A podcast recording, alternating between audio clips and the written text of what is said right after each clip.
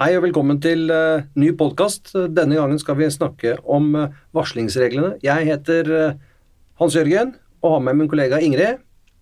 Jeg heter Ingrid Hvitsten.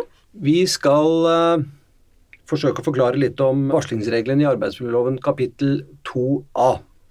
De reglene ble jo revidert her 1.7.2017, og det er kommet inn noen nye bestemmelser som det er viktig å ha litt kontroll på for alle som driver med arbeidsrett.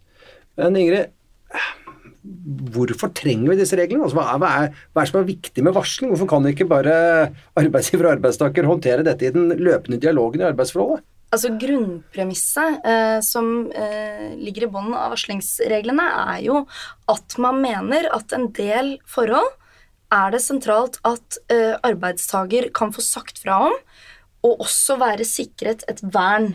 En del forhold er det et gode både for virksomhetene og for samfunnet at eh, arbeidstagere har en særskilt rett til å si fra om, uten å f.eks. være redde for å risikere jobben fordi du forteller at mellomlederen din har brutt loven, og uten å eh, risikere at eh, forholdet ikke tas tak i og feies under teppet. Du skal da ha formaliserte regler som verner deg, og som gir deg adgang til som arbeidstaker å forfølge at det forholdet du har sagt fra om, faktisk blir fulgt opp i virksomheten, eller at eh, virksomheten kan møte sanksjoner. Mm. Og når vi nå spiller inn dette litt uh, ute i 2018, så har vi jo hatt en metoo-kampanje som har uh, pågått, uh, og mange linker vel egentlig varsling til metoo og en eller annen type seksuell trakassering, men det er jo ikke bare det vi snakker om. Vi snakker om veldig mange andre forhold for eh, kritikkverdige forhold på arbeidsplassen som faller inn under dette regelsettet. Altså, Varslingsreglene i arbeidsmiljølovens kapittel 2a er jo egentlig utformet uh, med tanke på alle andre typer forhold. Vi har jo faktisk en egen uh, regel i eh, paragraf 2-3, andre ledd bokstav D, som gir arbeidstaker en varslingsplikt mm. dersom man blir kjent med diskriminering eller trakassering på arbeidsplassen. Mm. Så der er det jo faktisk en særregel hvor arbeidstakere også har plikt til å varsle. Vernet etter kapittel 2a eh, skal jo sørge for at det er trygt å varsle også om alle andre typer forhold. Det vi typisk kjenner til eh, som aktuelle eksempler, kan jo være HMS-problemer Mm. miljøkriminalitet, korrupsjon, andre typer arbeidsmiljøproblemer, også trakasseringssaker, selvfølgelig. Um, og det kan være dårlig ledelse som er på et sånt nivå at det faktisk um, et, utgjør et kritikkverdig forhold. Ja, og Hvis vi går over til uh, jussen og ser på regelverket, så er det jo sånn at uh, man har arbeidstaker har en rett til å varsle, men uh, man skal jo varsle forsvarlig. Og dette forsvarlighetsvilkåret er jo ikke alltid like lett å forstå, men utgangspunktet er jo at man har satt noen rutiner for hvordan dette skal gjøres, og si at du må gjøre det på den måten som virksomheten bestemmer. Uh, men virksomheten kan ikke begrense det helt. Men det er ikke sånn at du kan påberope deg å være varsler ved å fortelle om et kritikkverdig forhold til hvem som helst i virksomheten. Det må være helt klart. Uh, man kan heller ikke bare bestemme seg for å varsle eksternt, f.eks. gjennom pressen, uten å ha uh, forsøkt å varsle på en ryddig måte internt først. Men uh, virksomheten kan ikke, som du nevnte, begrense adgangen til å varsle f.eks. ved å si at etter våre rutiner så skal man alltid gå til nærmeste leder først. Fordi ofte så vil det jo være slik for en ansatt at nærmeste leder er en del av problemet. Og da, fordi det er der man oppdager det. Eh, det kritikkverdige forholdet. Og da er det veldig viktig at den ansatte har mulighet til å gå et annet sted, f.eks. til noen i HR eller en leder høyere opp, eller den lederen som har ansvar for denne typen eh, problematikk, kan være en compliance-funksjon hvis du har mistanke om korrupsjon, f.eks. Og det som er interessant i så måte, eller eh, måten loven har regulert dette på, mm. er jo ved å pålegge arbeidsgiver bevisbyrden for at varsling har, ikke har skjedd på forsvarlig måte. Mm. Og Når vi ser på varslingsreglene, så er det jo sånn at uh, så lenge man varsler i tråd med arbeidsgivers regler, så er det alltid en forsvarlig varsling. Så lenge man varsler tilsynsmyndigheter, veldig vanlig vil jo da være å kunne varsle Arbeidstilsynet. Eller det kan være andre Det kan være Finanstilsynet, det kan være politiet. Andre, Petroleumstilsynet. ja, eh, så vil jo det alltid være en forsvarlig varsling. Men hvis man eh, går utenfor disse rutinene, så er det ikke dermed sagt at varslingen er uforsvarlig.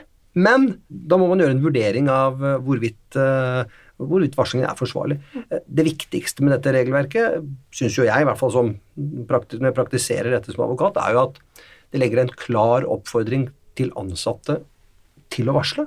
Og man skal ikke være eh, Arbeidsgiver skal ikke drive med formalrytter i å si at nei, fordi du jo ikke gjorde det akkurat på den måten vi ønsker, så, så er det ikke en varsling. Det er viktig at arbeidsgivere tar inn over seg viktigheten av regelverket og viktigheten av at dette blir varslet skikkelig. Jeg tenker jo at Et sentralt poeng med dette med forsvarlighetskravet er jo ikke bare det at man som arbeidsgiver skal kunne frita seg fra ansvaret for å følge opp et varsel, men det handler også om at dersom man f.eks. i ettertid blir beskyldt for å ha håndtert en varslingssak dårlig, og den ansatte fremmer krav, f.eks. om erstatning, så kan man jo ø, gå tilbake og se at hvis, hvis de i en slik situasjon har blitt varslet uforsvarlig, så har jo virksomheten hatt et mindre spillerom for å håndtere det på riktig måte også. Så da fra et arbeidsgiverperspektiv så er jo det også, tenker jeg, ligger et vern i det. At, øh, at man skal sørge for at arbeidstaker har, har mulighet til å varsle forsvarlig, og har man først gjort det, så, så ligger man på en måte bedre an eh, senere eh, i håndteringen. Nå har vi snakket litt om hva det kan varsles om, som er så mangt. Vi har snakket litt om hva det innebærer å ha varsle forsvarlig. Etter lovens oppbygning så kommer jo i punkt eh, paragraf 2a2 så er det med vern mot gjengjeldelse ved varsling. Det er jo et viktig poeng, fordi kanskje den viktigste måten til å få opp antall varsler, for varsling i seg selv er bra. Det er bra for arbeidsgiver at uh, kritikkverdige forhold blir tatt opp. Det som er uh, viktig, det er jo at den som varsler, har en trygghet for at man ikke blir utsatt for represalier, utsatt for negative forhold på arbeidsplassen fordi man har uh, varslet. Med gjengjeldelse, så de kaller de negative tingene som kan påvirke deg som arbeidstaker, så snakker man om et vidt spektrum. Ingrid? Det kan være mange forskjellige forhold man kan si at jo, men dette er en gjengjeldelse, ikke bare den rene 'hei, du har varslet, nå får du sparken', eller 'nå skal du ned i lønn', men det er mange, det er mange andre forhold som kan sies å være en gjengjeldelse etter loven. Ofte så er jo ikke problemet de tilfellene hvor man får en oppsigelse eller en avskjed som klart er begrunnet i, i varslingen, fordi at arbeidsgiver har også bevisbyrden for at ikke gjengjeldelse har skjedd. Og i et slikt tilfelle så vil, vil ofte bevissituasjonen være ganske enkel. Det er relativt klart at det har funnet sted gjengjeldelse. Det vanskelige er jo de subtile formene for gjengjeldelse. Altså der hvor du f.eks. ikke får reise på kurs. Ansvarsoppgavene dine snevres inn uten at det er noe formelt grunnlag for det. Du får bare tildelt de dårlige oppdragene å jobbe på. Eller de dårlige vaktene, hvis du jobber på et sted med kjip turnus. Og så er det jo den formen for gjengjeldelse som kanskje er vanskeligst for arbeidsgiver i en del tilfeller. Og det er den gjengjeldelsen som ikke arbeidsgiver har besluttet at skal skje, men der hvor andre ansatte reagerer negativt. F.eks. fordi det er blitt varslet om HMS-brudd på en byggeplass eller lignende, og andre ansatte som har tenkt at dette håndterer vi her på den måten vi alltid har gjort, blir forbanna på varsleren, og det finner sted mobbing, utfrysing, andre typer sosiale sanksjoner. Ja, og dette er jo, men dette, dette, gjør, jo, dette gjør jo hele varslerinstituttet litt, litt vanskelig for arbeidsgiver. fordi utfordringen fra et arbeidsgivers perspektiv er jo at man har jo ikke kontroll på alt. Man har jo ikke kontroll på hva alle andre ansatte gjør. Det å drive en overvåking på arbeidsplassen er jo, er jo, heller, ikke, er jo heller ikke lov. Sånn at hva man snakker om i en kantina, hvordan man snakker sammen på et julebord i festlig lag osv. For der kan jo også gjengjeldelse komme, ikke sant. Så, så det, der, det der er et dilemma, og jeg tror at det viktigste da er jo at arbeidsgiver har skikkelige rutiner for hvordan man skal varsle.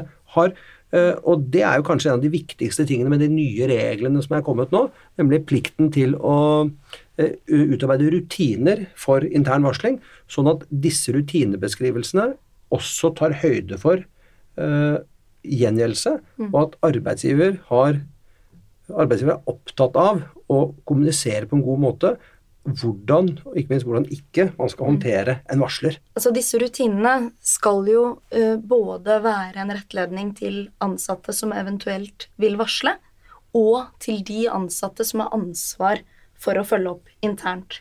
Retningslinjene skal være tilgjengelige for alle ansatte. Og en vesentlig del av begrunnelsen for at dette nå er inntatt i lovverket, med virkning fra i fjor sommer, er jo at undersøkelser viste at veldig mange norske ansatte ikke kjente til at virksomheten hadde varslingsregler. Selv der hvor virksomheten hadde det, så lå de eh, trygt nede i en skuff, og ansatte kjente ikke til dem. Derfor så er det nå et eksplisitt krav at de er tilgjengelige. Og den ansatte som vurderer å varsle, skal da eh, også kunne sette seg inn i hvordan dette skal håndteres av de i virksomheten som har ansvar for det. Og det, er, eh, det ligger et vesentlig kontrollhensyn der, i det at den ansatte kan etterprøve hvordan man blir fulgt opp. Og det, og det, vil jo ofte også bidra til en større trygghet eh, og forutsigbarhet eh, for en som vurderer å varsle.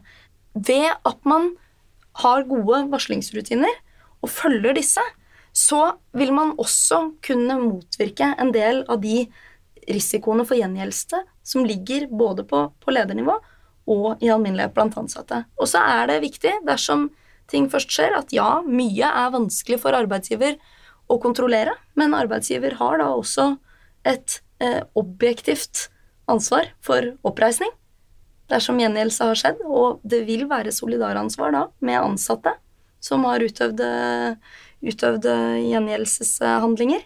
Det har arbeidsgiver ansvar for uansett. Og erstatning kan også kreves etter alminnelige regler. Hvis du ser litt nærmere på de pliktene som pålegges arbeidsgiver i paragraf 2a-3, og Det starter jo egentlig fra, fra, andre ledd. og Det er jo allerede virksomheter som jevnlig sysselsetter minst fem arbeidstakere, pliktig utarbeide slike rutiner. Eh, det betyr jo at selv veldig små arbeidsplasser, hvor man skulle tro at det var transparent og lett for ledelse og ansatte til å kommunisere, skulle man tro at eh, det ikke var behov, men det har altså lovgiver sagt at jo, det er det behov for. Og rutinene skal også utarbeides i samsvar med de tillitsvalgte, hvilket jo eh, medfører at de ansattes representanter får en hånd på rattet i å finne ut hvordan dette skal utformes. De skal være skriftlige, helt opplagt, og de skal minst inneholde da en oppfordring til å varsle, altså den positive 'vi ønsker varsling'. Eh, fremgangsmåte for varsling, så skal det sendes på e-post, har du en egen varslingskanal, og med en postkasse hvor man skal putte dette i, eller hvordan man ønsker å gjøre dette her.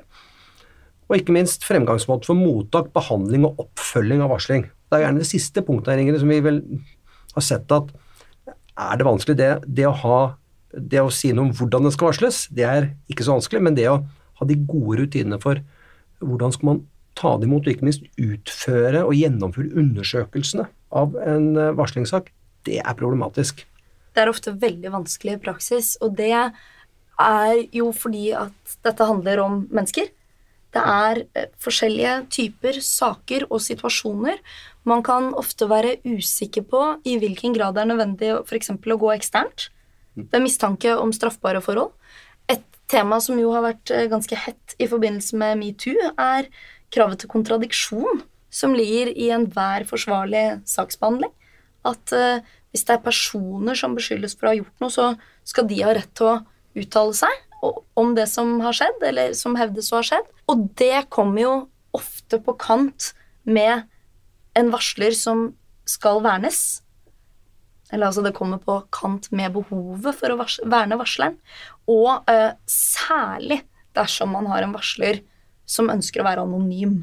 Ja, og Det tenkte jeg kunne si litt om avslutningsvis. fordi Eh, dette med anonymitet uh, hører man jo ofte, og sier at jo, men man kan, man kan varsle anonymt. Men, men altså, det har jo noen konsekvenser, uh, det at man varsler anonymt. Jeg tror vel kanskje at de fleste arbeidsgivere ønsker å ha en person de faktisk kan snakke med, få mer informasjon ut av, og prøve å forstå bedre hva er det egentlig som har skjedd. Når man mottar et varsel, så anonym et anonymt varsel legger jo en del begrensninger på den videre prosessen, og hvordan man håndterer dette. Men på den annen side så er det jo lett å forstå hvorfor en del eh, ansatte ønsker å være anonyme. Fordi det er opplagt uh, ubehagelig, og det ligger en risiko i det å være fremstå som varsler. Det tror jeg man må se, i hvert fall sett på hvordan en del varslere historisk har blitt håndtert. Absolutt. Og så er det jo også noe med det at selv om du har et formelt gjengjeldelsesvern, og du kan gå til sak hvis du blir oppsagt som følge av et varsel, så vil det ikke nødvendigvis være så hyggelig å returnere til den jobben etterpå. Hvis du har, eh, har blitt tilkjent den i retten. Sånn at eh, det er absolutt forståelig at en del arbeidstakere ønsker å varsle helt eh, anonymt. Og vi har vel, i våre diskusjoner om dette, så har vi vel kommet frem til at en arbeidsgiver kan nok ikke legge et anonymt varsel til side og bare si at dette behandler vi ikke, for vi vet ikke hvem som har sendt det. For hvis det er et varsel om alvorlige forhold i virksomheten, så må du undersøke hva som kan ligge i det. Men det er litt viktig i denne sammenheng, når man eh, arbeider med, med utforming av varslingsrutiner og lignende, å huske på at loven oppstiller ikke et krav til at arbeidsgiver skal tilrettelegge for anonym varsling, gjør den vel? Nei, den gjør ikke det. Eh, loven har jo en bestemmelse eh, om taushetsplikt ved varsling til offentlig myndighet. Men det er jo bare offentlige myndigheters eh, plikt til å ikke gi opplysning om hvem som har varslet.